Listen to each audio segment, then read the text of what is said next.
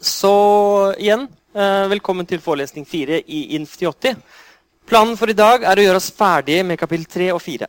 Det vil si at vi skal fortsette på kapittel 5 på torsdag og snakke om bevismetoder. Så nå, i løpet av denne forelesningen så skal vi sette strek for utsagnslogikk foreløpig. Vi skal komme tilbake til logikk når vi kommer til førsteordenslogikk, men vi skal gjøre oss ferdig med det som vi kaller for utsagslogikk nå. Og fortvil ikke, vi hadde én forelesning bare med mengdelære, og man føler kanskje at det, og så ble det bare borte. Og nå gjør vi litt det samme med utsagslogikk, men det, disse to eh, emnene kommer til å være med oss hele veien i hele kurset. Både mengdelære og utsagnslogikk er sånne ting som vi kommer tilbake til hele tiden. Og særlig disse begrepene som vi snakker om i utsagnslogikk, de kommer vi hele tiden tilbake til. Så vi begynte forrige gang med å snakke om logisk ekvivalens. Dvs. Si at to utsagn eller to formler har samme sannhetsverdi. Det skal vi fortsette med nå, men vi skal introdusere en rekke andre begreper. Så la oss fortsette der vi slapp. Bare som en kort repetisjon. Vi har nå introdusert et utsagnslogisk språk bestående av formler. De formlene begynner med atomære utsagn, som bare er utsagnsvariabler eller bokstaver. Vi setter sammen de til større og større formler ved hjelp av de fire konnektivene, som er negasjon, og, eller og pil. Og Da får vi et rikt utsagnslogisk språk som vi bruker til å representere utsagn med. Og vi kan nå regne formelt på disse formlene. Og det er det vi har begynt å gjøre. En måte å regne på formlene på er å bruke sannhetsverditabeller. Fordi de forteller oss veldig presist hva det vil si at en formel har for sannhetsverdi, avhengig av hvilke verdier disse enkeltkomponentene har. Så spillet er dette. Du har en formel, og så bestemmer du deg for hva alle disse bokstavene skal være. Og det er sann eller usann. Null eller én. Og så har vi laget noen regler som forteller oss hva hele sannhetsverdien blir til hele formelen. Er dere med på det?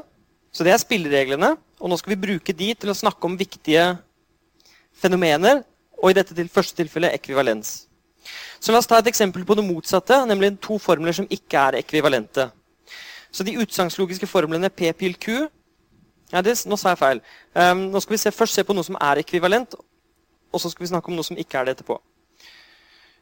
Så De utsagnslogiske formlene P pil Q og ikke P eller Q de er ekvivalente, står det der. Og Det er en påstand. Og så må vi argumentere for at den påstanden er sann eller usann.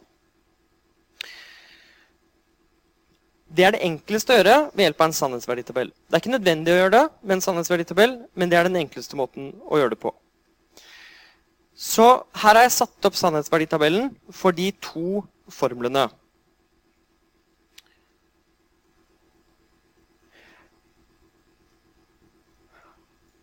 De to venstre kolonnene består av alle mulige tilordninger av sannhetsverdier til P og Q. Alle mulige kombinasjoner. F.eks. at begge er sanne, eller at begge er usanne. Eller at kun én av de er sanne, som er de to midterste radene. Og så regner vi ut sannhetsverdien til de to formlene helt systematisk. Som et eksempel Hvis vi ser på hva sannhetsverdien til P pil Q er, som er i den kolonnen som er til venstre av de to blå som er fargelagt nå, altså den, der ser vi at det står 1011. Og den blir null kun når P er 1 og Q er 0. Det er også fordi det er definisjonen av den. Så den hadde vi altså 1011 står der pga. definisjonen. Og Så går vi over til ikke P eller Q. For å regne ut det, så er vi først nødt til å regne ut ikke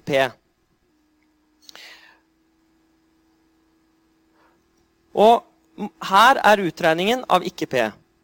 Og det ser vi er det motsatte av P der borte. Så vi bare tar nøyaktig det som står under P i kolonnen, og så skriver vi ned det motsatte. Og så bruker vi definisjonen av eller til å regne ut hva disse forskjellige verdiene skal være. Og vi vet at en eller-formel blir usann, som står her, kun når begge to også er usanne. Hvis én av de er sanne, så blir hele sann. Og også i tilfelle tre, når begge er sanne, sånn som der og der, så blir hele sann. Fordi vi nå har regnet ut at begge kolonnene er identiske, så vet vi at formlene er ekvivalente. Det er definisjonen av ekvivalens. Så vi ser at formlene har samme sannhetsverdi uansett tilordning av sannhetsverdier til utsagnsvariablene. Med andre ord, uansett hva du gir, verdi, eh, gir av verdi til P og Q, så ser vi at de blir det samme uansett.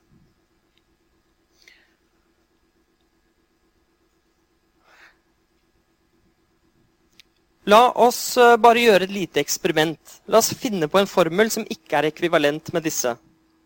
Så hvis jeg nå skriver eh, Nå kan jeg finne på en formel. La oss, finne på, eh, la oss ta hva som helst, egentlig. Vi kan ta La oss si at vi bytter ut eller-tegnet med og. Da står det ikke P og Q. Og så lurer vi på om den er fremdeles er ekvivalent. Kanskje den er det? Ikke sant? Vi vet ikke det i utgangspunktet. Vi er nødt til å regne det ut. Vel, da regner vi ut ikke P. Hva blir verdiene her? Jo, det blir jo 0. 0, 1, 1. Fordi det er det ikke-P blir, avhengig av hva P er. Og dette er fire forskjellige tilfeller, eller fire forskjellige verdener. Så denne raden som begynner der, hvor P er 1 og Q er 0, det er én av fire mulige tilordninger av verdier til P og Q. Og i den spesifikke tilordningen så følger det at ikke-P får verdien 0, sånn som det står her borte. Og På samme måte så kan vi resonnere oss frem til at Q endrer seg ikke, så her står det 0, 1 Nei, 1, 0, 1, 0. Sånn. Og så skal vi regne ut når er det hele formelen blir sann. Den er kun sann i ett tilfelle, og det er det tilfellet her, hvor begge er én. Hvis en av de er null, så er de per definisjon så er formelen per definisjon usann. Så den blir usann, den blir usann, og den blir usann. Og så har vi nå en ny kolonne, som er verdien til hele den formelen i de fire forskjellige situasjonene vi kan være i. Det er kun de fire forskjellige situasjonene. Og så er vi nødt til å poengtere at de er forskjellige på minst ett sted. F.eks. her oppe. Her er det en ener, og her er det en null. Da er de ikke ekvivalente. Så hvis de er forskjellige på minst ett sted, så, de, så er de ikke ekvivalente. Det er definisjonen av ekvivalens. Så nå har vi sett et eksempel på både ekvivalens og det motsatte, at noe ikke er det. Og vi brukte en sannhetsverditabell til å bevise det. Det går også an å gjøre det på en annen måte. Det går an å si dette med ord. Så her har vi et annet eksempel. Vis at formlene og så kommer det to formler, er ekvivalente. Den første formelen sier det er ikke slik at P pil Q, eller ikke P pil Q. Og den andre så står det P og ikke Q. Og så sier jeg at dette er to formler som er ekvivalente. Og dette er faktisk en veldig nyttig ekvivalens, fordi den sier intuitivt at hvis det er sånn at noe ikke impliserer noe annet, hvis P ikke impliserer Q, så må det være sånn at P er sann, mens Q er usann. Det er det det intuitivt betyr. Så når man får en sånn oppgave, så må man alltid koble på intuisjonen og tenke hva er, i alle dager er det dette kan bety. Og for å bevise dette er det nok å vise at den negerte formelen er sann, hvis det bare hvis konjunksjonen også er sann. Og da er det En måte å gjøre det på er å argumentere muntlig og logisk. Og Da kan vi begynne med å først anta at negasjonen av implikasjon faktisk er sann. Og så resonnerer vi på bakgrunn av den antakelsen.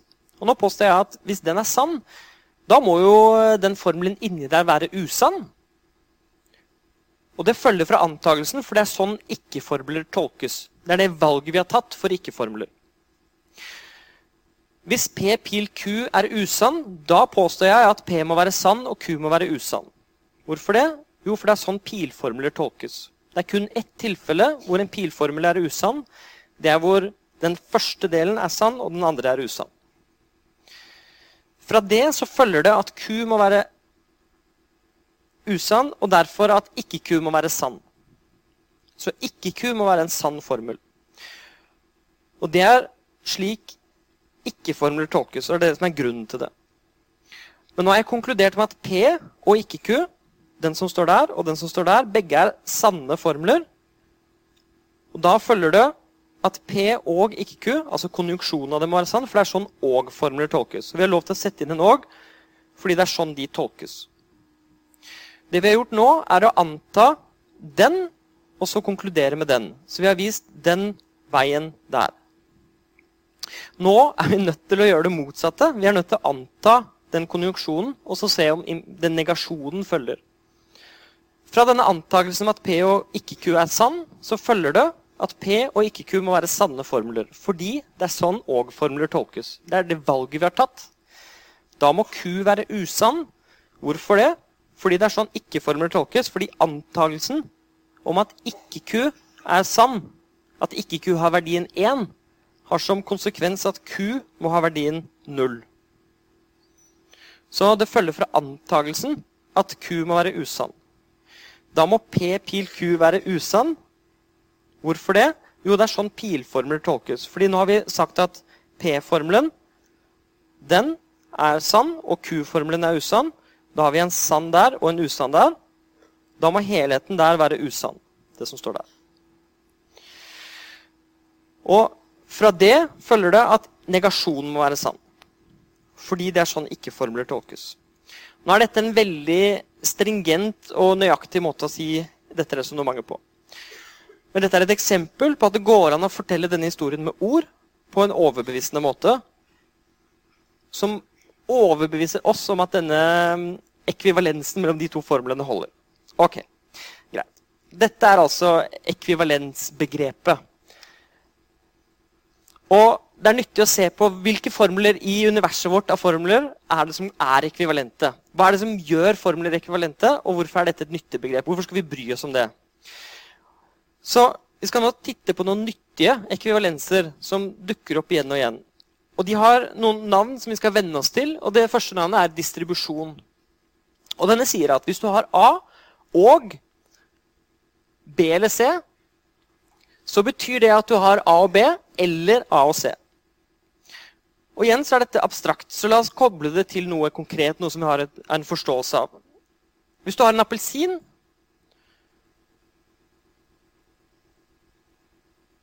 Nå kommer jeg ikke på noe bedre ord. Hvis du har en appelsin og du enten har banan eller kakao Jeg vet ikke hvor disse kommer fra. Um, så betyr det at du har appelsin og banan eller appelsin og kakao. Men vice versa er det også viktig. Når du har ekvivalens, så må du ha begge veier. Det er ikke bare at det ene impliserer det andre. Men hvis du sitter der og har en appelsin og en banan, eller du har en appelsin og litt kakao, så følger det at du har en appelsin. Garantert. Og det er det som står på venstresiden. Og så har du enten en banan eller kakao. Og Dette kaller man med et fancy ord for distribusjon. Og grunnen til det er at Hvis du ser på den A og-biten som en enhet, den biten der, så ser du at den distribuerer vi inn på B og inn på C. Ser du det? Sånn at den med firkant står der, og den med firkant står der.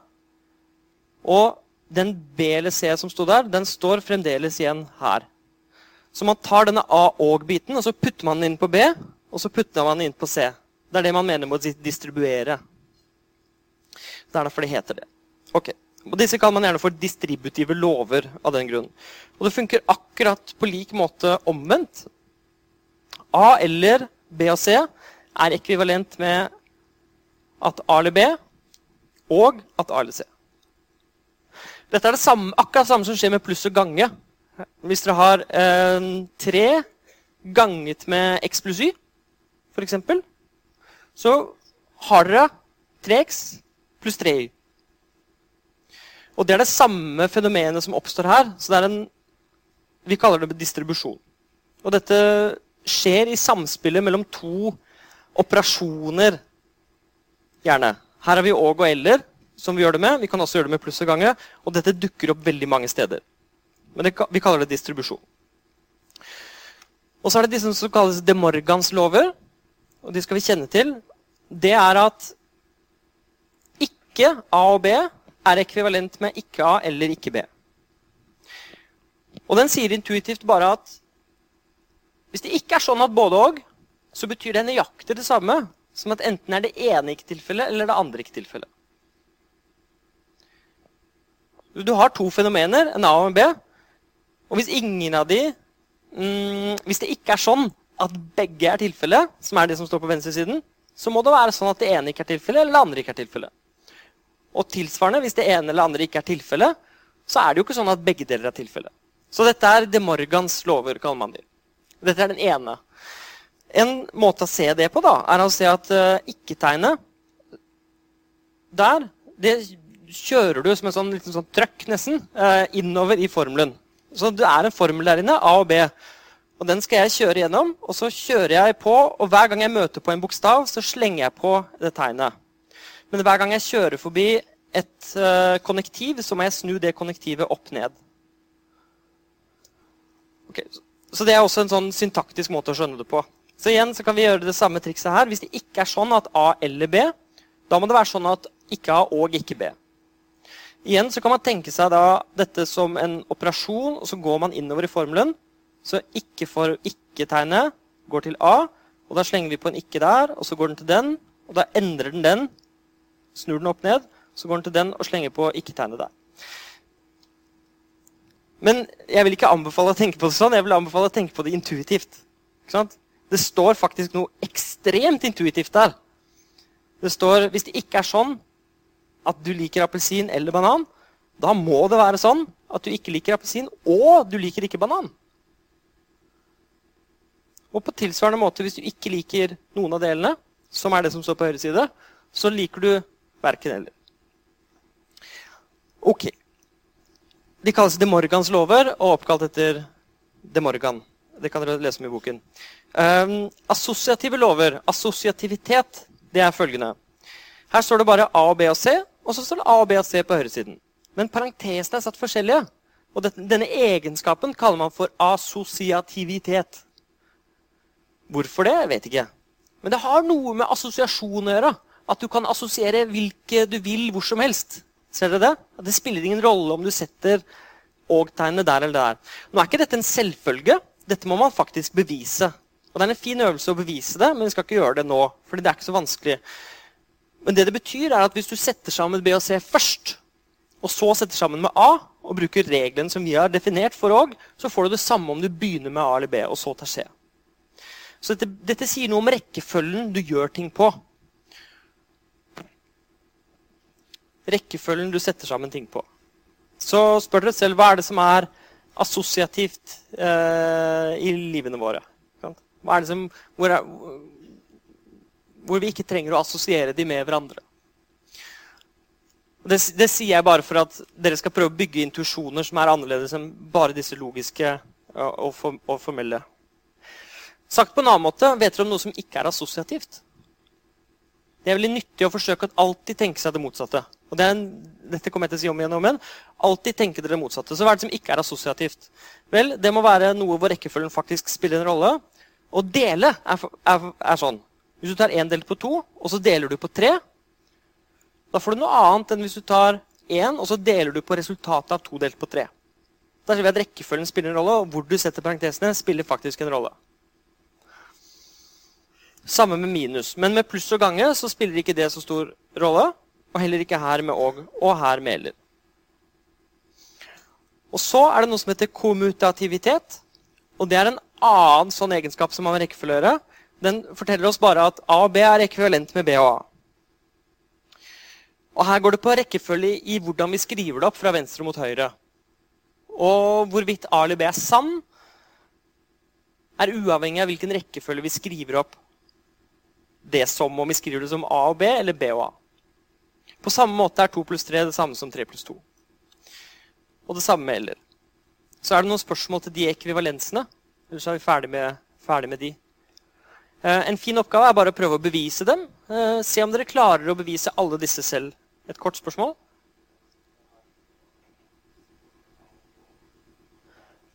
Spørsmål om jeg kan ta appelsin og kakao på nummer to fra toppen. og det kan jeg gjøre.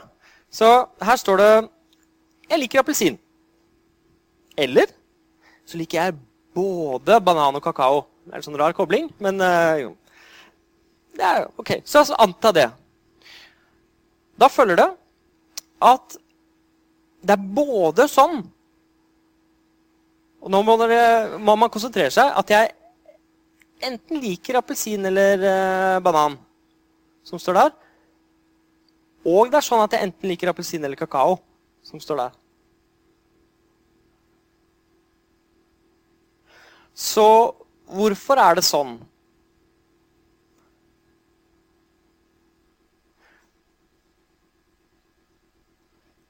Det er mange måter å se på det på. Vi kan forsøke å gjøre den ene usann og den andre sann. Så blir vi overbevist om at det ikke går. En annen måte er å prøve å finne noe som er mer naturlig å tenke på dette som enn appelsiner, bananer og kakao, som gir oss en tryggere intuisjon på det. Mm. Okay. En annen test. for Nå gjorde jeg den ene veien. Og så tror jeg de fleste, veien, var, de fleste her følte at det var ikke så intuitivt.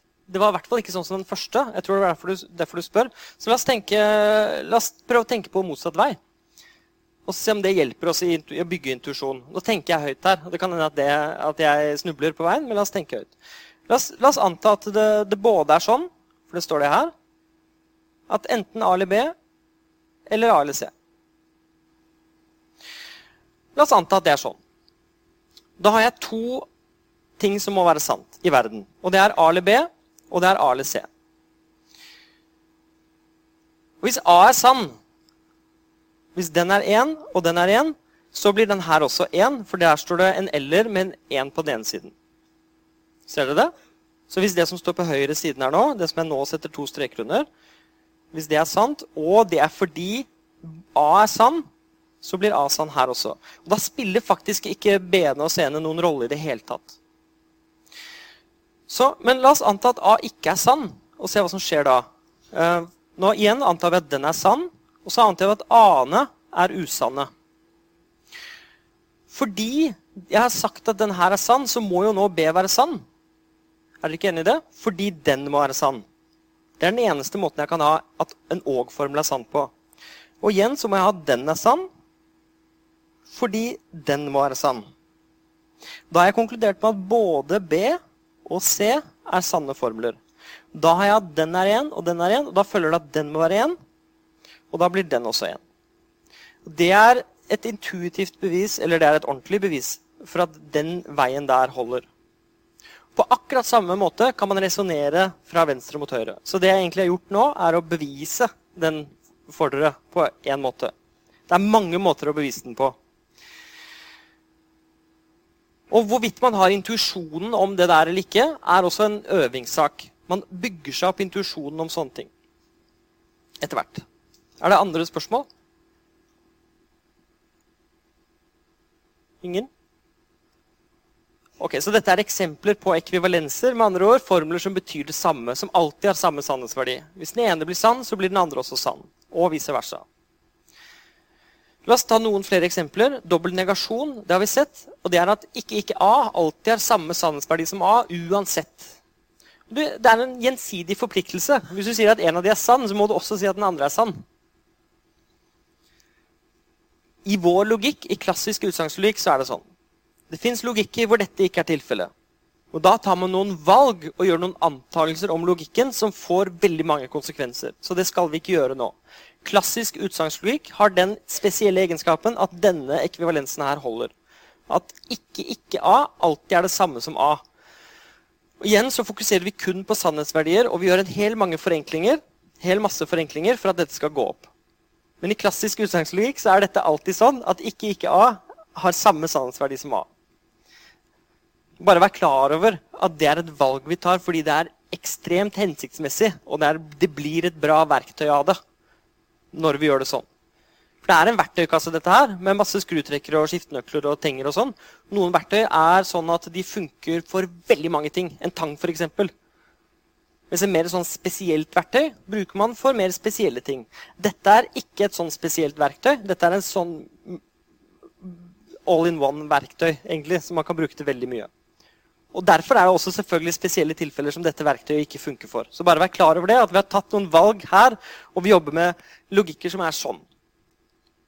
Implikasjon har vi også. Eh, og A pil B er ekvivalent med ikke A eller B.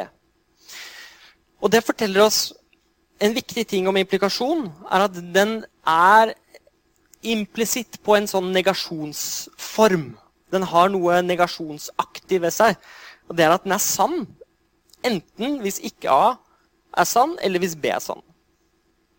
Det er to forskjellige måter å gjøre en pilformel sann på. Vi kan gjøre ikke A sann, dvs. Si å gjøre A usann, eller vi kan gjøre B sann. I begge de tilfellene så blir implikasjonen sann. Hvis vi følger alle de spillereglene som vi har lagt på bordet nå. Hvis vi gjør det motsatte, hvis vi tar negasjonen av en implikasjon, så får vi en konjunksjon som den er ekvivalent med. Nemlig at A og ikke B er ekvivalent med negasjonen av A pil B. Det er det.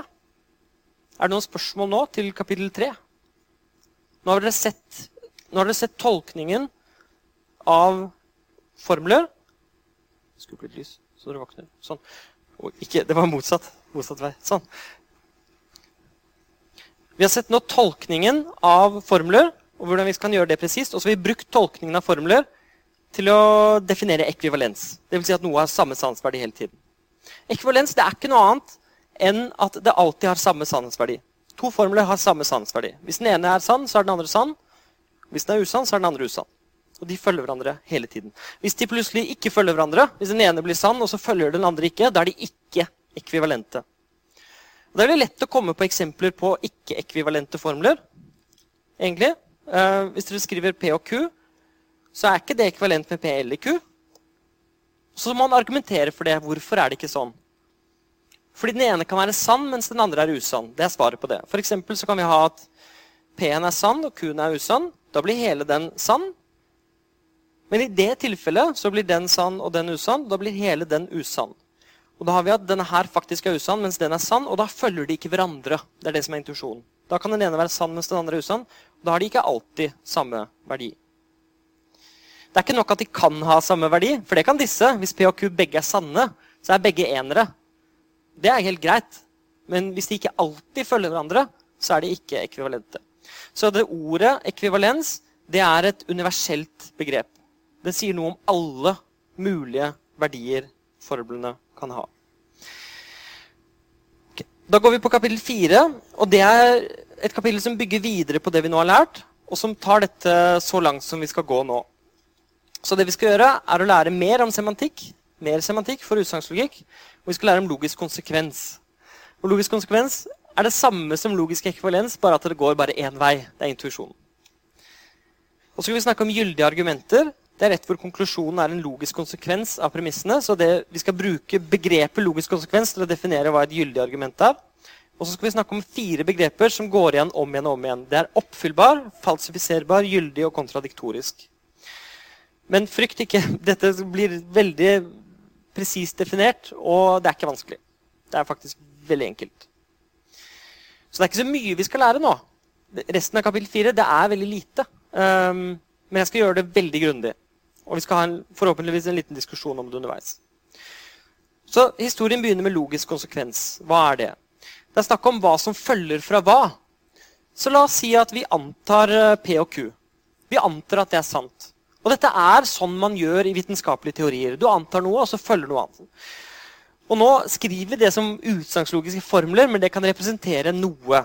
Så vi jobber på et veldig abstrakt nivå. Og så antar vi noe annet, nemlig at ikke Q eller R. Og det er en annen antakelse. Og så bare slenger vi inn en R eller S der for moro skyld. Og jeg tuller ikke. Dette er, dette er det jeg mener med å leke med faget. Nå bare skriver vi opp noe der oppe, og så ser vi hva følger fra det. Jeg påstår at hvis de tre formlene der oppe er sanne formler, da må Er det noen som har et forslag til hva som må være sant? Ja? Du sa at P må være sann. Vi har ikke avtalt dette på forhånd, men, uh, men, P må være sann. Hvorfor det? Fordi du har antatt at konjunksjonen er sann. Og da følger det også at konjunktene må være sanne. Per definisjon av konjunksjon. Ikke bare fordi, men pga. tolkningen av formlene er definert sånn. Ja.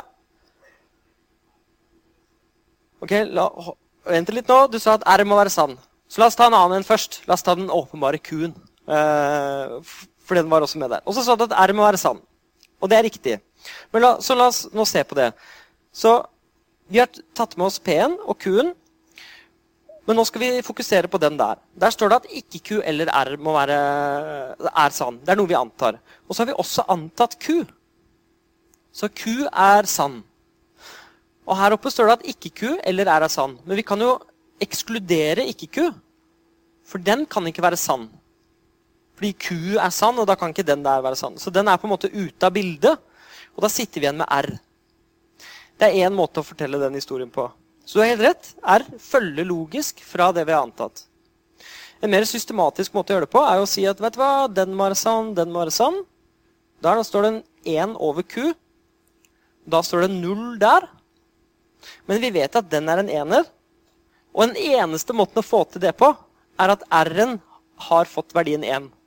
Det er den eneste måten den kan ha verdien 1 på. Ok. Så det er to måter å argumentere for at R følger. da. Er det noe annet som følger fra disse tre formlene? Vi kan jo gyve løs på denne her, da. R eller S. Og R må være 1. Men S, da? Hva med S? Hvorvidt S følger fra disse eller ikke, det, det kan vi ikke vite. Eller la meg omformulere det. S følger ikke logisk fra de som står der. Fordi vi kan velge. Kanskje S er sann, kanskje S er usann. Når vi kan velge på den måten, så er det en form for uavhengighet. S er uavhengig, sier vi. Det spiller ingen rolle hvilken verdi du velger for S. Du er ikke bundet til å si at den må være 1 eller 0, på samme måte som du er bundet for PQR. Så S vet vi faktisk ingenting om ut fra dette her. Så hvis du har antatt en del ting, så kan det godt være sånn at noen ting ikke blir bestemt av det du har antatt. Og dette skjer hele tiden. Du har en teori, en vitenskapelig teori, og det er et eller annet den ikke sier noe om. Det er helt naturlig. Og i dette tilfellet så er det veldig abstrakt, da, fordi det er S den ikke sier noe om. Men dette skjer. Men er det noe som følger? Ja, det er det absolutt. Det er uendelig mange formler vi kan sette under streken. Vi kan bare begynne her med å skrive ikke, ikke P. Og Det er litt sånn teit, men det er jo en logisk konsekvens. fordi hvis P er lik 1, så må ikke ikke P være lik 1, fordi tilordningen av sannhetsverdier skjer på den måten der. På samme måte så får vi ikke ikke Q, osv. Hva med P og R? Det er jo fint, fordi her har vi P, og her har vi R. Da følger P og R som konjunksjon. Hva med Q og R? Det er kjempefint, for vi har både Q og vi har R. Da følger konjunksjonen av dem. Og sånn fortsetter historien. Vi kan legge til, og Det er en hel drøss med formler som følger logisk fra den antakelsen. Så har dere skjønt dette, så har dere skjønt begrepet om logisk konsekvens. Faktisk. Men jeg skal definere det nå, helt presist, en gang for alle. Bare sånn at vi har det, og at vi har skrevet det ned. Så la M være en mengde av utsagnslogiske formler. Og det er akkurat som de formlene vi skrev over streken. Og la F være en eller annen utsagnslogisk formel. Hvis F er sann for alle valuasjoner som gjør alle formlene i M sanne samtidig, er F en logisk konsekvens av formlene i M. Ofte så sier vi bare en konsekvens. Og Den er en veldig eh, lang definisjon, men den er helt presis. Så hvis du har en mengde formler og en eh, formel F, så får vi at hvis den formelen vi har valgt, er sann for alle de valuasjonene som vi kan velge oss, som gjør alle formlene i toppen sanne samtidig, så er det en logisk konsekvens. Henger dere med? Og det er en, det, Dette er en stor sånn viss åsetning. Så hvis du antar at alt er sant, og du må konkludere med at noe annet er sant da, fra denne antakelsen, så er det en logisk konsekvens. På akkurat samme måte i stad skrev vi kun ned logiske konsekvenser av det som var der oppe. Hvis jeg sier anta P og Q, da følger det logisk at P. Fordi jeg blir tvunget til å si at det er sant. Så dette er et spill. Hvis du sier det og det og det er sant, da blir du forpliktet til å si at noe annet også er sant. Hvis du sier P impliserer R, og så sier du P, da blir du tvunget til å også akseptere R. Du har ikke noen måte å komme deg unna på hvis du skal være konsistent. Det er det som følger logisk fra det du antar. Så skriver vi sånn her M, hvor M er mengden av formler, og så det symbolet, som er en vertikal strek og to horisontale, og så F, når F er en logisk konsekvens M. Det er en skrivemåte for å skrive på en veldig kompakt måte alt det som står der oppe. For å sjekke om noe er en logisk konsekvens av noe annet, så må vi med andre ord se på valuasjoner som gjør alle formlene i mengden sanne samtidig, og så sjekke om de også gjør formelen sann. Og Hvis det feiler, bam! Da er det, da er det ikke en logisk konsekvens. Hvis jeg sier til dere P eller Q eller R, er P en logisk konsekvens av det? Nei, det er jo ikke det. Fordi jeg kan anta at P eller Q eller R er sann. Men det følger ikke fra det at P må være sann. Det kan hende at den er sann av helt andre grunner. Så sjekken er der. Og hvis den feiler på en eller annen valuasjon, en eller annen tilordning, så har vi ikke en logisk konsekvens. Men hvis det er sånn, så er F en logisk konsekvens av den mengden.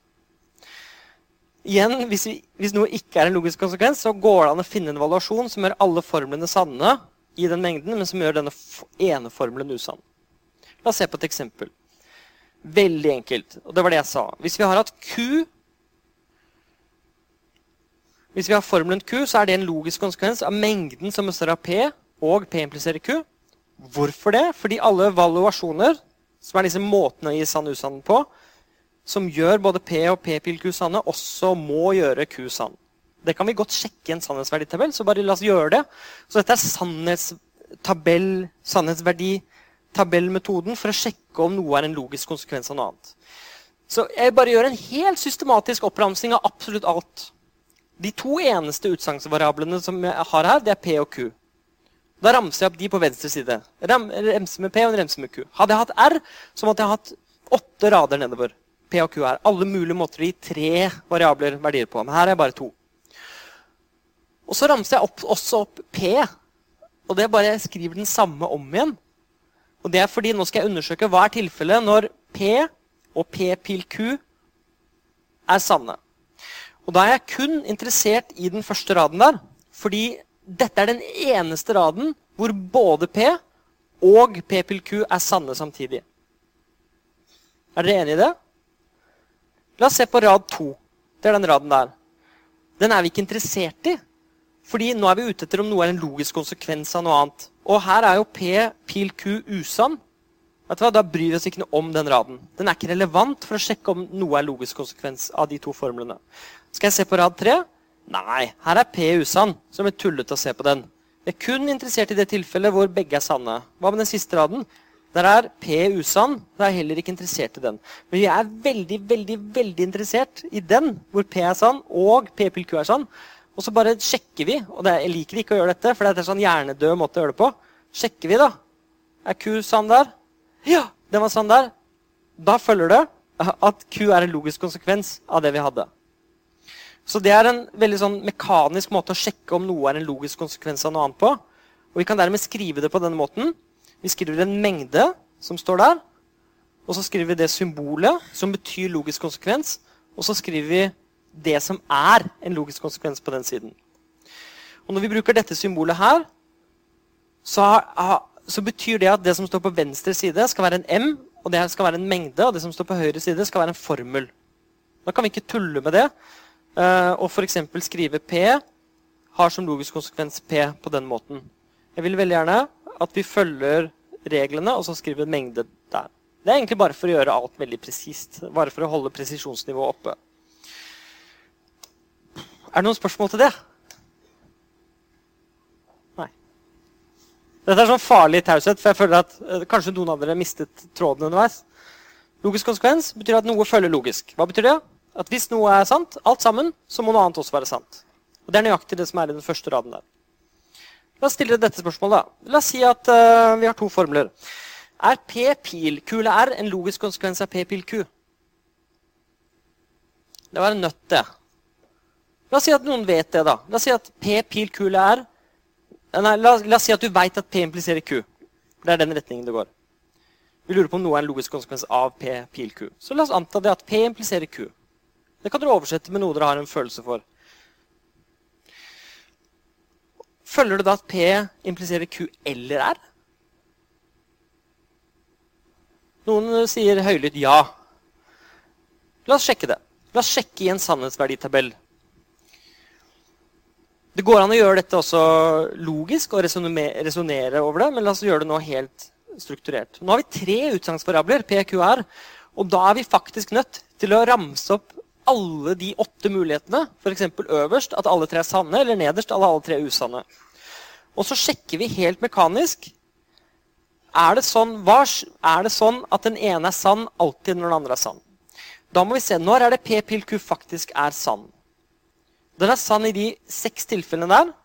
Men når P er sann og Q er usann, sånn som i de to tilfellene her, de to radene her, så står det null der. Så de er vi ikke interessert i. Så er vi bare nødt til å sjekke da, her borte. Er det en ener overalt i de seks radene som vi har blinket ut? Ja, ja, ja, ja, ja, ja. Ok, fint. Da er det godkjent. Da er det en logisk konsekvens. Hadde jeg funnet en null i én av de radene, så ville formelen ikke ha vært en logisk konsekvens av det jeg hadde. Men med det så er vi nødt til å ha pause og frisk luft og strekke på beina og tenke på dette her. Fint, da fortsetter vi. Er det noen spørsmål etter pausen? Nå som dere har fått tenkt litt på dette vi sa om logisk konsekvens. Da er det bare å rekke opp en hånd. Eller så er det bare å gjøre det underveis.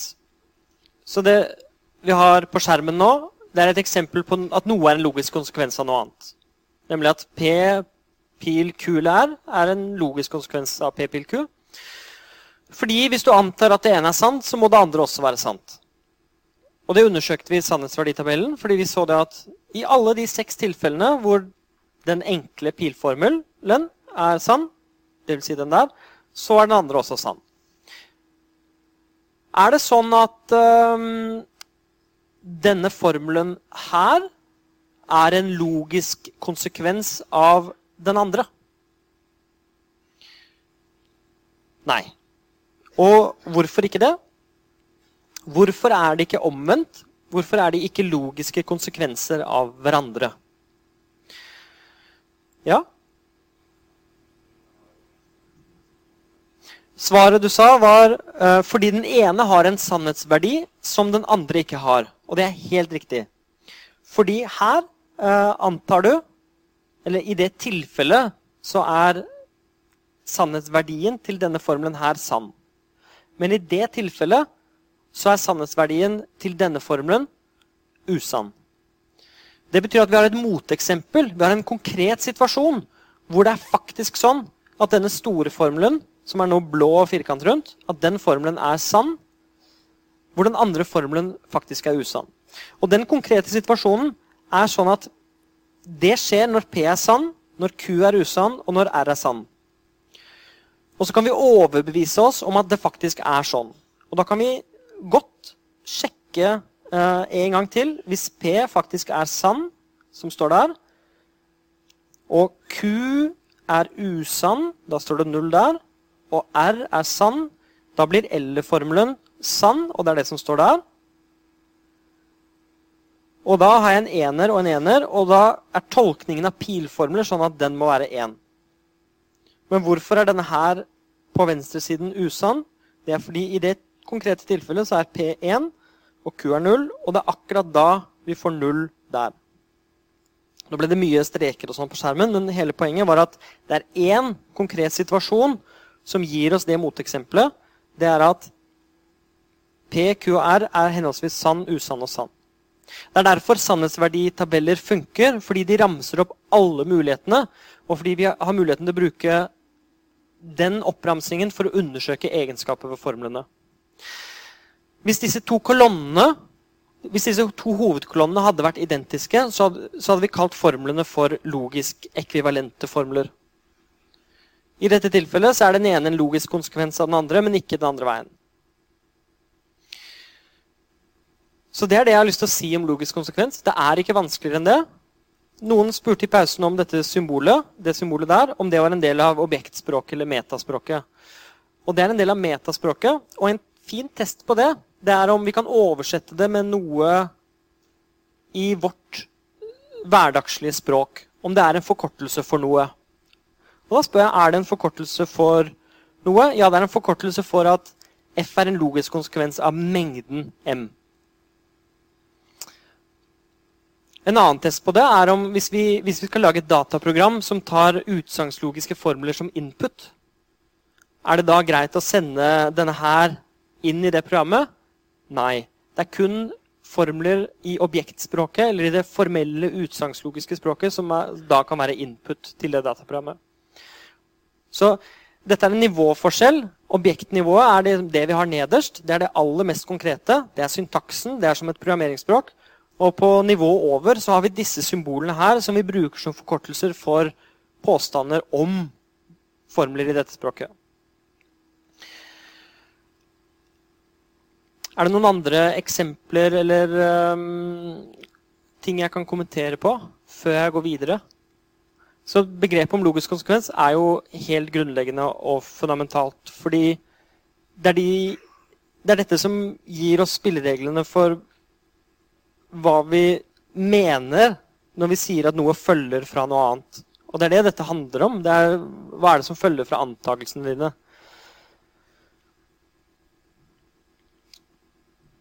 Men vi gjør dette på en veldig abstrakt måte. Men uh, vi snakker om noe veldig viktig. Det er viktig å ha det i bakhodet. Okay. Da går vi over til å snakke om gyldige argumenter. Og dette er en konkret anvendelse av det vi nå har lært, til å snakke om noe som vi har i språket vårt, som vi kaller argumenter. Så la oss definere det. Vi har allerede sett flere eksempler på gyldige argumenter og resonnementer. Så vi har noe vi kaller for gyldige resonnementer og argumenter. Nå kan vi bruke dette begrepet logisk konsekvens til å definere det helt presist. Så vi kan si at et gyldig argument er følgende.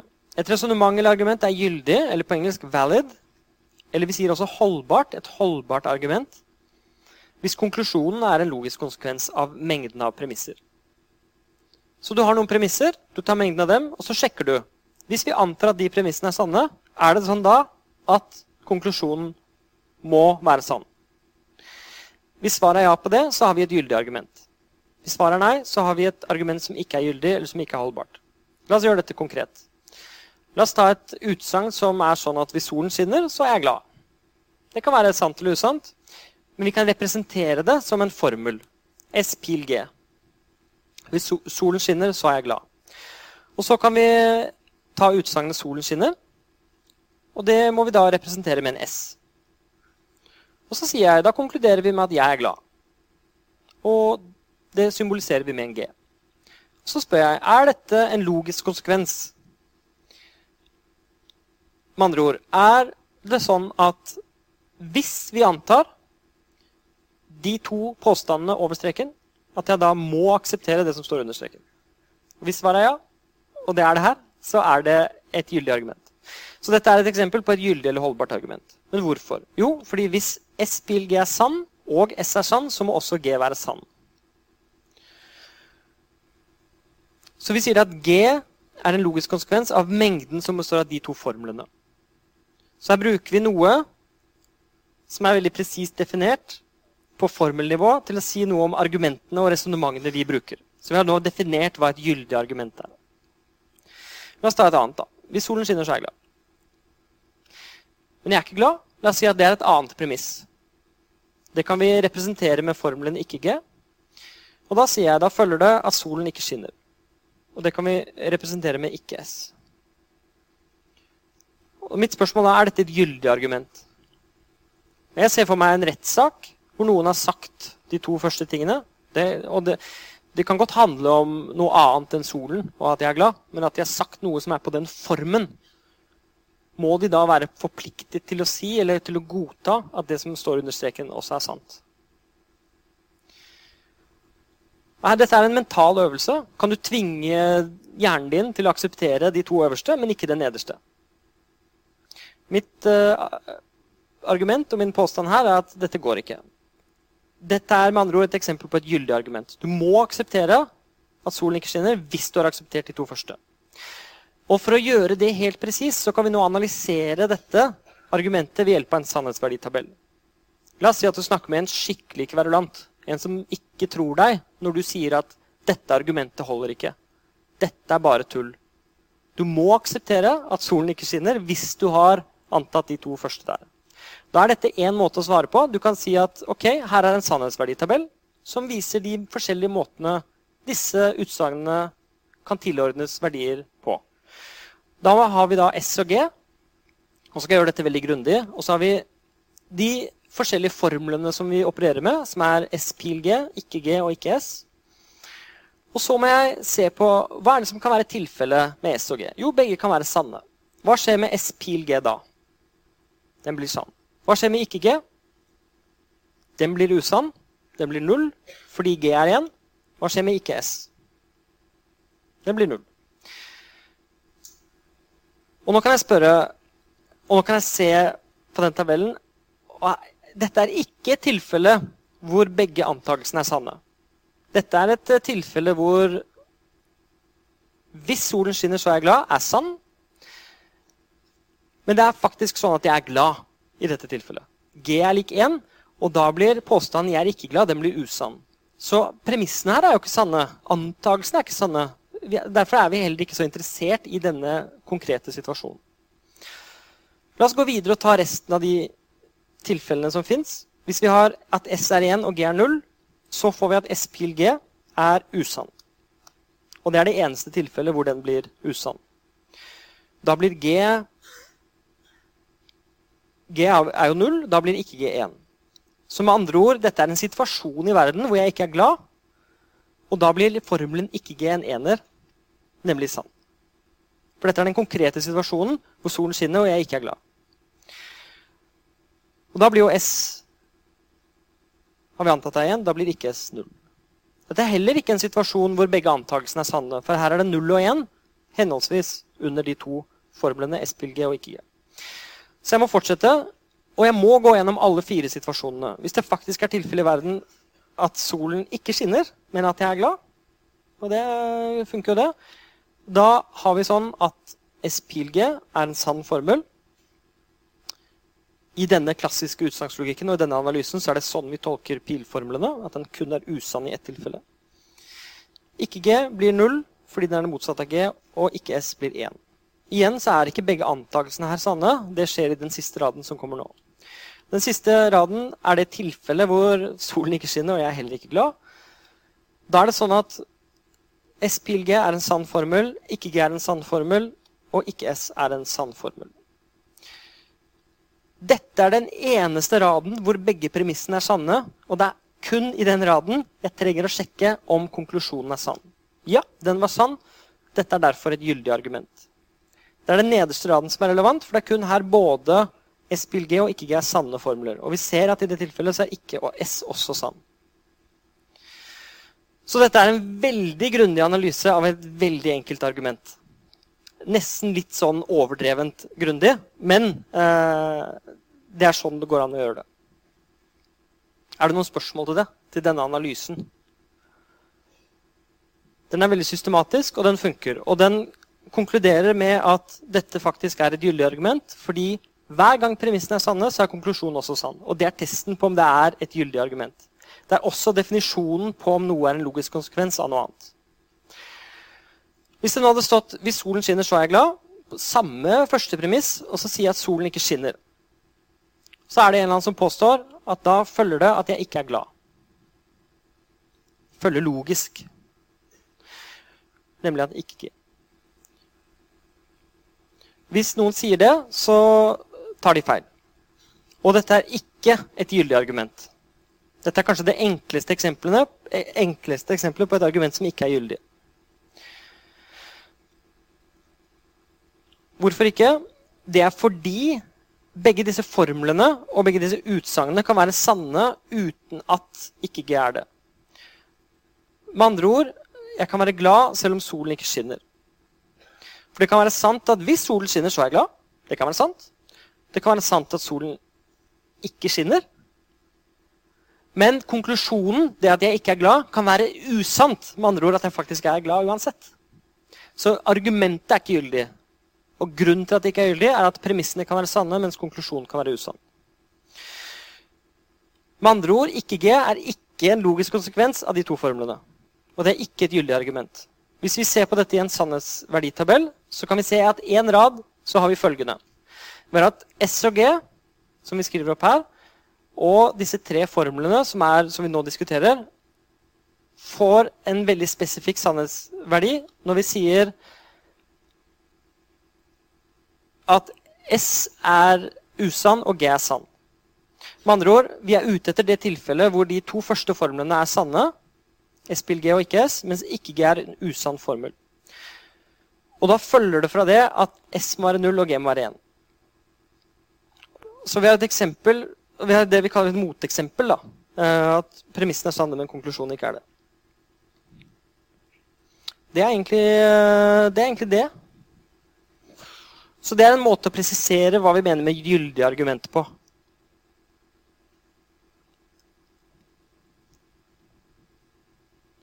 Så Det er litt sånn som bordet fanger. da. Har du sagt det ene og det andre, så det vi regner ut nå, er hva du også må akseptere. Som en konsekvens av det. Men vi gjør det veldig presist fordi vi bruker utsagnslogiske formler og utsagnslogikk for å analysere dette. Jeg skulle, nesten, jeg skulle, ønske at det var noen spørsmål nå. Uh, fordi en ulempe med å, å, snakke om dette mange ganger, uh, for meg, da, er at jeg ikke vet hvor vanskelig det er for dere. For hvert år så glemmer jeg hvordan det er å oppleve dette greiene her for første gang. Og for hvert år så blir jeg en dårligere foreleser fordi jeg glemmer nettopp det. Så eh, er det noen som har noen spørsmål, så må dere spørre nå. Ok. Kan jeg anta at dere har skjønt dette nå? Veldig mange som nikker, og jeg blir glad for det. Men det er ikke noe farlig å spørre hvis dere lurer på noe. Okay. La meg suse gjennom resten av kapittel 4, og så kan vi eventuelt gå tilbake og repetere dette litt. hvis det trengs. Da er det fire begreper som vi skal leke med, som er enkle og nyttige. Det er oppfyllbarhet og falsifiserbarhet. Og så er det gyldig og kontradiktorisk. Og De fire henger veldig nøye sammen, og de er veldig nyttige å bruke. Hvis en valuasjon V gjør en utsagnslogisk formel F sann, så sier vi at valuasjonen oppfyller formelen, og så skriver vi enkel V, og så det samme symbolet som vi brukte, og så en F. en utsagnslogisk formel vi sier at den er oppfyllbar, eller på engelsk 'satisfiable', hvis det fins en valuasjon som oppfyller den. Og nå, nå, bruker jeg plutselig ordet valuasjon igjen. Husker dere hva det var? En valuasjon er en måte å gi sannhetsverdi på til absolutt alle formler som, at, som er sånn at disse tabellene er oppfylt. Det vil si at hvis jeg har en og-formel, en F og G med det symbolet imellom, og jeg har forpliktet meg til at F-en er sann og G-en er sann, så må jeg også forplikte meg til at og-formelen er sann. En valuasjon må oppfylle de kravene. Så en valuasjon er f.eks. ikke en som gjør alle formler sanne. Absolutt alle formler sanne. Det går ikke. En valuasjon kan ikke gjøre det. Kravet til en valuasjon er at den skal oppfylle disse tabellene. Så jeg begynner med en um, tilordning av sannhetsverdier til bokstaver. Og det kan være helt fritt. Det kan være hva som helst. Du kan si at P-en er sann, og Q-en er usann, og R-en er sann, og S-en er sann. Fra den så følger det nøyaktig én valuasjon. Det er den som gir sannhetsverdi til alle formlene. Og her sier jeg at Hvis det fins en sånn valuasjon som gjør en formel sann, så kaller vi formelen for oppfyllbar. Det betyr ikke noe annet enn at det går an å gjøre den sann. That's it. Den er oppfyllbar hvis det går an å gjøre den sann. La oss ta et enkelt eksempel. Aller, et av de aller enkleste eksemplene. Formelen P pil Q den er oppfyllbar. Hvorfor det? Jo, fordi den oppfylles av enhver valasjon som gjør P usann eller som gjør Q sann. F.eks. hvis valuasjonen gjør P-en og Q-en individuelt da, sanne, så gjør den denne formelen sann. Så dette er en formel som kan være sann. Det er det oppfyllbar betyr. Formelen P og ikke P, den som står der, den er ikke oppfyllbar. Det går ikke an å gjøre den sann. Det fins ingen valuasjon som gjør både P-en og ikke P-en sanne samtidig. Og det ligger i begrepet om valuasjon. Fordi kravet der er at vi skal oppfylle disse tabellene. Så enhver, Det fins ingen valuasjon som kan gjøre denne formelen sann. That's it. Det går ikke. Det er umulig. Så vi har nå et eksempel på en oppfyllbar formel og en ikke oppfyllbar formel. På engelsk er det altså 'satisfiable'. Og så er det hvordan skal man oversette det til norsk. Og det, det går også an å si 'tilfredsstillbar' eller å tilfredsstille en formel, men jeg syns det høres veldig rart ut. At man skal gjøre en formel glad og tilfredsstille en formel på en eller annen måte, det høres i mine øyne ut litt sånn feil. Men å oppfylle en formel, det betyr å gjøre den sann. Det høres riktigere ut. Det er grunnen til at det ordet forekommer på norsk. Men på engelsk så brukes altså ordet 'to satisfy' og 'satisfiability'. Og det, Hvis man leser mer informatikk og matematikk, så kommer man over dette problemet som heter 'satisfiability problem', eller oppfyllbarhetsproblemet. Og det er et vanskelig problem i matematikk og informatikk som går ut på om det faktisk er mulig å oppfylle en formel, eller om det ikke er det. Det er å lage et dataprogram som tar en formel inn, og som mekanisk skal avgjøre om det går an å gjøre den sann. Da undersøker man om den kan være oppfyllbar, eller på engelsk 'satisfiable'. Så den kommer dere til å møte sannsynligvis senere i studiene. Oppfyllbarhetsproblemet. Dette er den formelle definisjonen av hva oppfyllbar er. Og så har vi den fullstendig duale tingen, som er falsifiserbarhet. Og det er om det går an å gjøre en formel usann. Hvis en valuasjon V gjør en utsagnslogisk formel F usann, så sier vi at valuasjonen falsifiserer formelen. Eller falsifies. Og så skriver vi det samme symbolet med to streker og så en F. Og så en strek over for å symbolisere at den ikke oppfyller, eller at den falsifiserer. En bitte liten kommentar til det. Nå har dette symbolet her forekommet på to forskjellige måter. Og Det er viktig å være klar over forskjellen. Den ene var at det sto en mengde der og en formel der. Og nå har vi på venstre side en valuasjon og en formel. Og det, er det, er sånn typisk det vi kaller overlasting, eller at man bruker et symbol på flere forskjellige måter. Og det er konteksten som avgjør det ene eller det andre. Så i denne konteksten så er det at noe er en logisk konsekvens av noe annet. Og i denne konteksten så er det at en valuasjon gjør en formel sann. Og vi skal komme tilbake til nøyaktig hvordan vi kan presisere den V-en senere. Men det kommer i kapittelet om funksjoner. For vi kan presisere en valuasjon og si at en valuasjon er en veldig spesiell type funksjon. Men det, er, det kommer senere. Vi kaller en utsagnslogisk formel for falsifiserbar hvis det fins en valuasjon som falsifiserer den. Da må vi se noen eksempler. Denne formelen her er falsifiserbar. P pil Q. Hvorfor det? Fordi det fins jo en valuasjon som gjør den usann. Den falsifiseres av enhver valuasjon faktisk, som gjør P sann og Q usann. Så den er falsifiserbar fordi den kan ha verdien 0, og det får den når P er 1 og Q er 0. Det er en måte å falsifisere formelen på, eller å gjøre den usann. Mens denne formelen, P eller ikke P, den er ikke falsifiserbar. Hvis du fikk den på bordet, og noen sa 'gjør den usann', kom an. Og så prøver du. OK, da skal jeg gjøre den usann. Null og null og null. Ha-ha! Jeg klarte den. Eh, problemet med det eh, er at da har du forpliktet deg til at P både er null der og én der. Og det går ikke. Det er ikke lov. Og igjen så kommer det fra definisjonen av en. Så det går ikke an å gjøre den formelen usann.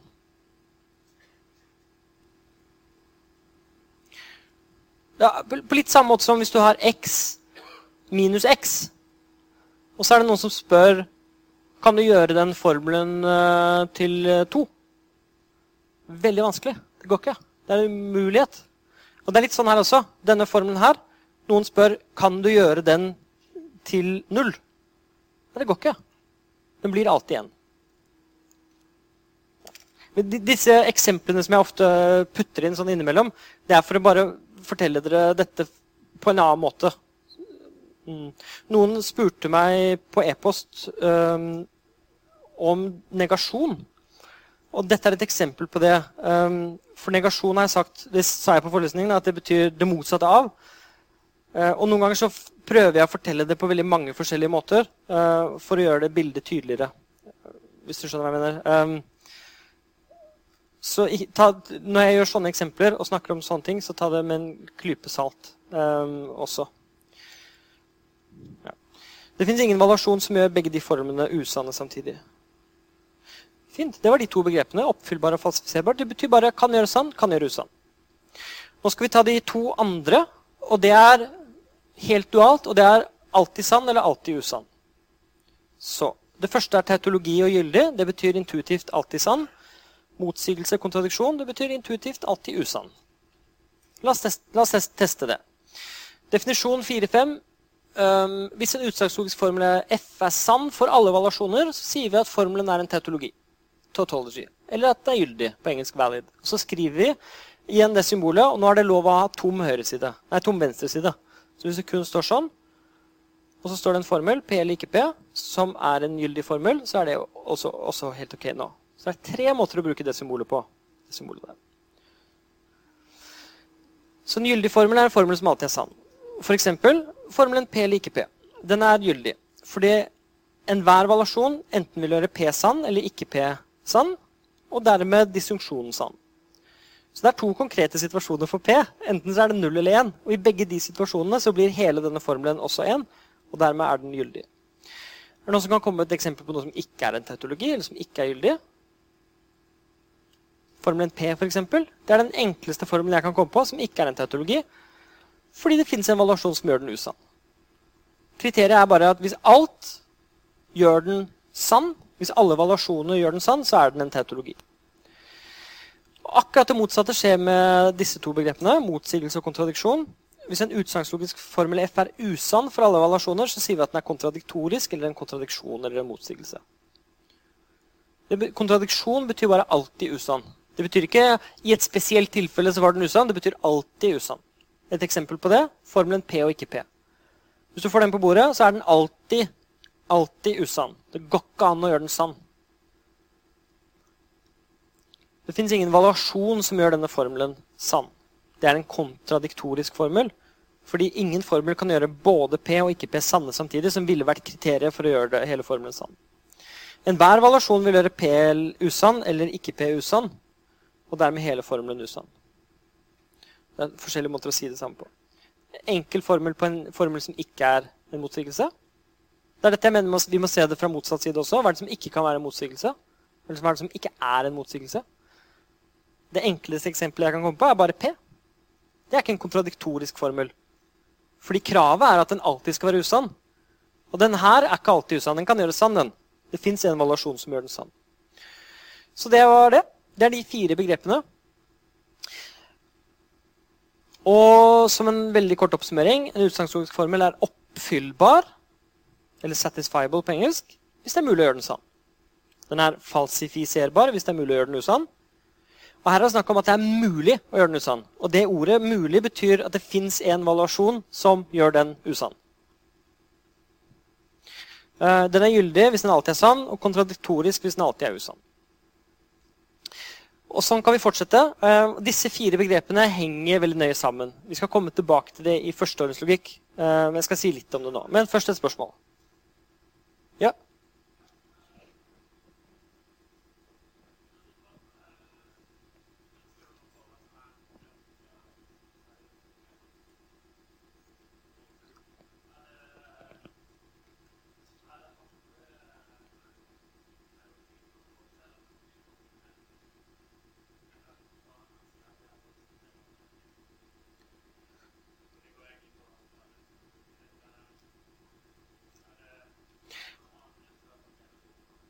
Ja. Så spørsmålet var Du har uh, falsifiserbare formler og formler som ikke er falsifiserbare. Er det noen dypere forskjell uh, på dem, eller er det noen grunn til at vi deler det opp på denne måten? Var spørsmålet. Sånn cirka. Uh, du smiler og nikker, så da antar jeg at det var, det var greit. Um, først, det er en veldig praktisk måte å dele inn universet av formler på. For det er faktisk det at vi har et stort univers av formler. Og så lager vi noen sånne skiller. Vi sier dere er falsifiserbare. Kjempefint. Det kan gjøres usanne. I vitenskapelige teorier så er det et veldig viktig fenomen. At noe kan gjøres usant. Man snakker gjerne om falsifiserbarhet som et vitenskapelig kriterium, eller et kriterium for en god vitenskapelig teori. Og så har vi de som er oppfyllbare. Det er de som kan gjøres sanne. Og vi ser at overlappet mellom dem er der. Det fins noe som både er falsifiserbart og oppfyllbart. Vi så akkurat et eksempel på det. Det var P. Så de er litt overlappende. Men så sa du også i spørsmålet de som ikke er falsifiserbare. Det er en annen veldig interessant mengde. For det er de som ikke kan være usanne. Hva betyr det? Ikke kan være usanne. Står ikke det der oppe et eller annet sted? Fordi Hvis de ikke kan være usanne, så betyr det at det alltid er sant. Og det har vi nå satt et ord på. Og det er nøyaktig det vi legger i gyldig. Og dette er en måte å dele verden i to på. Helt presist. På denne siden de falsifiserbare. Sånn, den kule gjengen. De kan gjøres usanne. På den andre siden, og det er nøyaktig på den andre siden, så er det de som er gyldige. Og så sier jeg at alle formler havner i enten en eller den andre. Fordi enten så er du falsifiserbar. Du kan gjøres usann. Eller så er du gyldig. Alltid sann. Er dere enig i det? At det, dette er et fullstendig og nøyaktig skille. Enten så er du alltid sann, eller så kan du være usann. Kan dere forestille dere at det, at det er noen som havner på gjerdet, og ikke er noen av delene? Jeg, jeg klarer ikke det. Ja, eh, der oppe?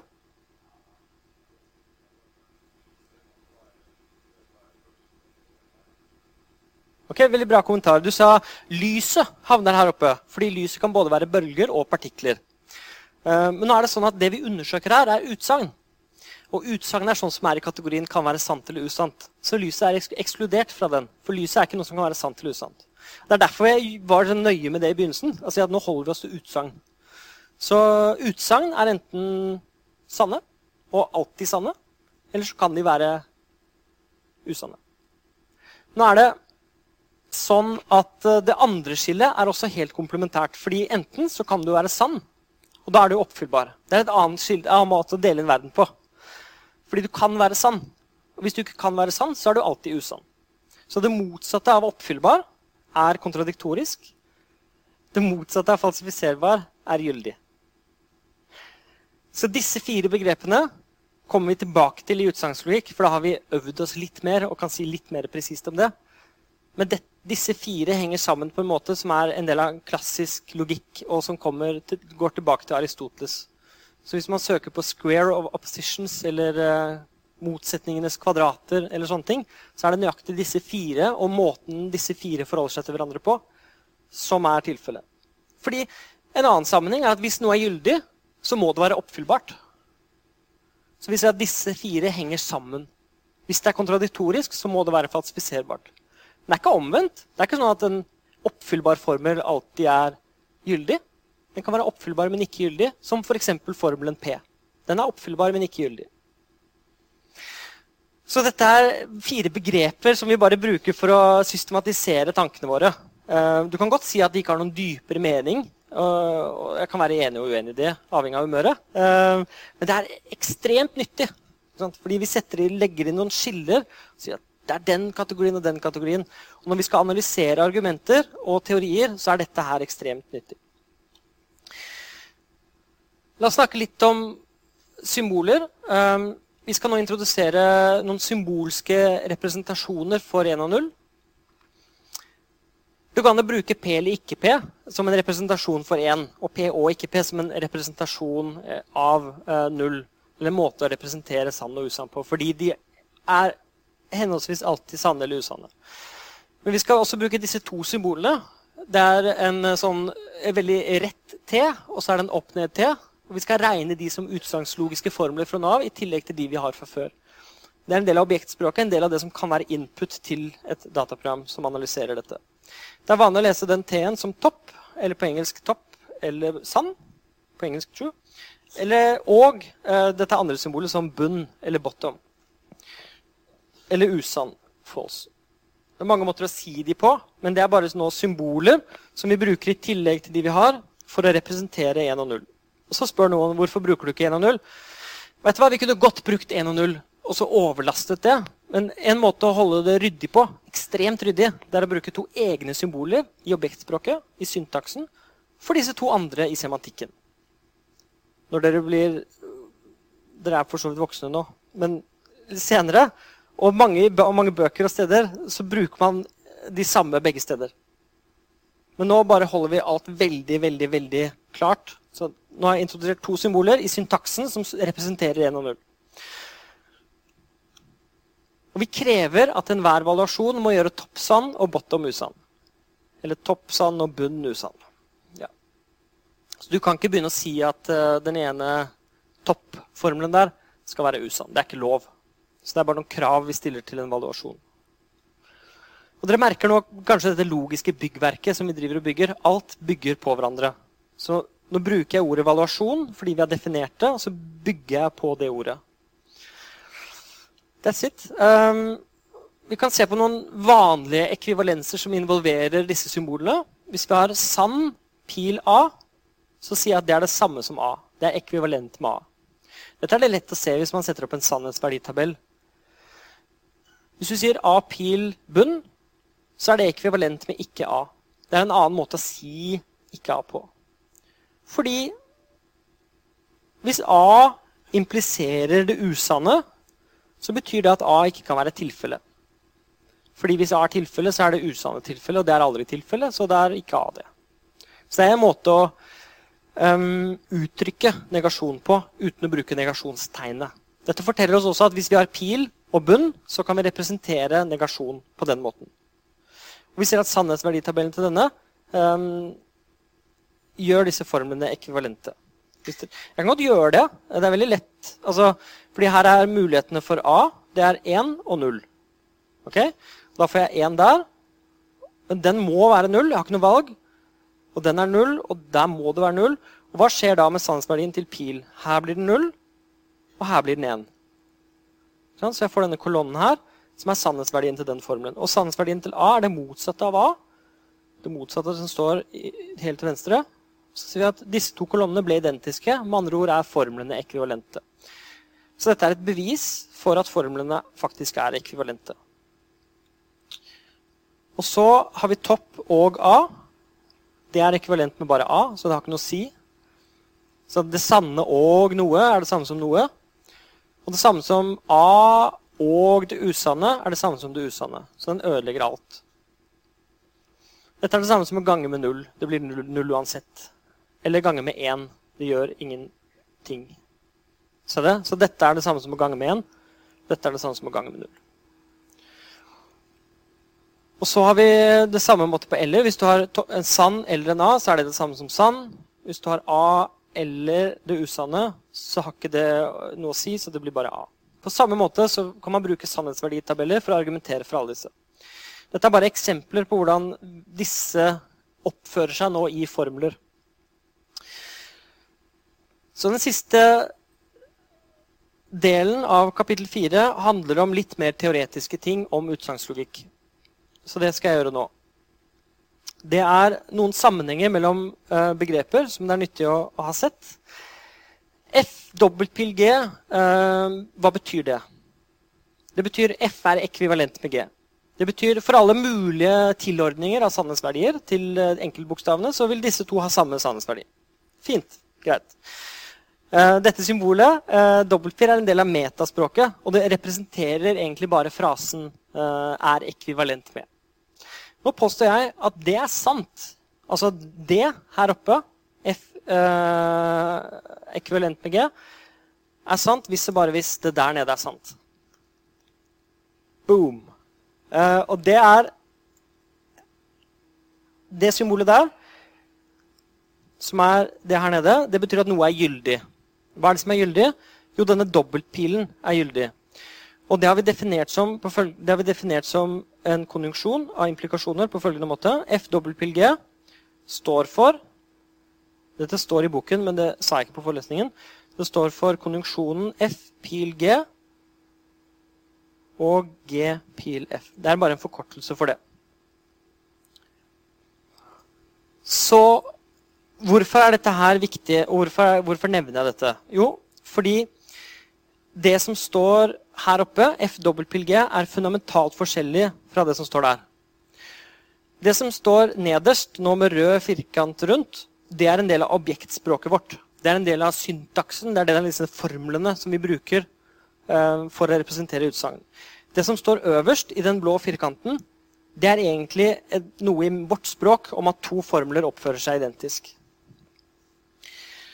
Jeg nevner dette fordi vi kan, vi kan bygge bro mellom disse verdenene på akkurat denne måten. Vi kan representere det fenomenet at to formler er ekvivalente, som er det som står øverst, i det formelle språket, som er det som står nederst. Og Grunnen til at jeg sier dette, er at vi kan representere noe fundamentalt om verden i det formelle språket. Dette er akkurat som å ta et fenomen i verden og programmere det. Om det er et biblioteksystem eller noe som fins, et databasesystem, og så lager man objekter og klasser og dataprogrammer for å fange inn det, så er det litt av det samme som skjer her. Du har noe i verden som er at noe er ekvalent, som du representerer i språket som en formel som har en bestemt egenskap. Og Det er nyttig å være klar over eh, at dette er på to forskjellige nivåer. Det vi også har definert, det er dette her. At hvis jeg har en mengde med formler på den ene siden, og så har jeg en formel på høyre siden av det symbolet, så er det logisk konsekvens. Hvis formelen F er sann, så må formelen G være sann. Det skjer hvis og bare hvis denne formelen er gyldig. Hvis formelen F pil G er en gyldig formel. Og Dette går det an å bevise, og det er en veldig bra øvelse å gjøre det. Eh, og det jeg mener med å bevise det, er anta at det her, det som jeg nå setter ett tall på, at det er sant. Bruk den antakelsen til å konkludere med at to som er her nede, også er sant. Og så går det andre veien også. Klarer du det, da har du skjønt alt som er å skjønne om disse begrepene. Har en veldig fin forkortelse for det. Eh, så hvis vi bruker denne forkortelsen, F, altså dobbelt pil bare, altså mot høyre, som en forkortelse for at G er en logisk konsekvens av F, så får vi at det er sant hvis, bare hvis denne formelen er gyldig. Egentlig, dette, er en, uh, dette er en voldsomt abstrakt lek. Så jeg prøver å snakke om logisk konsekvens og ekvivalens og alt det som er her, på veldig mange forskjellige måter. Og den, dette har jeg med, fordi En måte å gjøre det på er det som står øverst, som er å bare si at det er en logisk konsekvens. Den andre måten, som står nederst, er å representere det som formler og snakke om egenskaper ved de formlene. Så det er en nivåforskjell som handler om å representere. Skjønte dere det? Det er det aller mest abstrakte vi har gjort til, dette, til nå i dette kurset. Og det er superabstrakt. Um, så jeg anbefaler dere å lytte på uh, podkasten på nytt. Og bare hvis, hvis, jeg sier noe som er uklart, sette på pause, spole litt tilbake og tenke over det. Uh, send oss en e-post og spør hvis noe er uklart. Jeg kan si det en eneste gang til. Her oppe så står det at F pil G med dobbeltpil. Hva betyr det? Hva er definisjonen av det? Definisjonen er at hvis F er sann, så er G sann. Uansett valg av valuasjon. Det er det, som, det, er det det betyr. Og så sier jeg at det er tilfellet hvis og bare hvis. Med andre ord, Det betyr det samme som at det som står her Og hva er det? Hva er definisjonen av det? Definisjonen av det er at F pil G er en gyldig formel. Og definisjonen av det er at den alltid er sann uansett valuasjon. Så at F pil G-formelen alltid er sann. Og så sier jeg at disse to tingene betyr det samme. Det ene holder hvis og bare hvis det andre. Hvis, hvis dere syns at det er intuitivt, hvis dere ikke hører forskjell på det, så har dere hodet på rett sted. Hvis dere syns at jeg står her og sier det samme om igjen altså Jeg sier først noe der oppe om at de er gyldige, og så sier jeg på en måte det samme der nede. Så er hodet deres på riktig sted. Det er nøyaktig det jeg gjør. Jeg sier det bare på to forskjellige måter. Det betyr nøyaktig det samme. Men jeg sier det på to forskjellige måter. Øverst så sier jeg det om formler, at de er ekvivalente. Nederst så snakker jeg om én formel.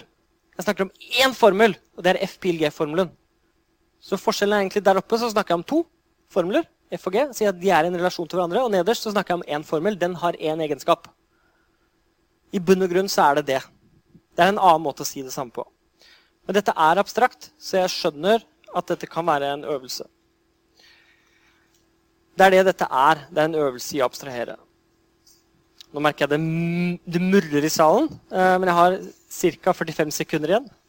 Så jeg skal, jeg skal, si det jeg ikke skal si, eh, og det er uavhengighet av formler. Det kan dere lese om selv. Istedenfor å smekke opp definisjonen, så kan jeg bare si at eh, formelen P den er uavhengig av Q. Fordi eh, den ene ikke er en logisk konsekvens av den andre. Men hvis jeg tar P og så PL i Q, de er ikke uavhengige av hverandre. Hvorfor ikke det? Fordi hvis P-en er sann, så blir denne her også sann. Så de avhenger av hverandre. Det er essensen i uavhengighetsbegrepet. Men det er også en del av det dere skal lære i kapittel 4. Det er bare å, å kunne si at denne formelen er uavhengig av en annen, og denne mengden består kun av uavhengige formler. Når det er sagt, så er dere velkomne til kake i morgen klokken tre og tilbake på torsdag klokken tolv. Takk for nå.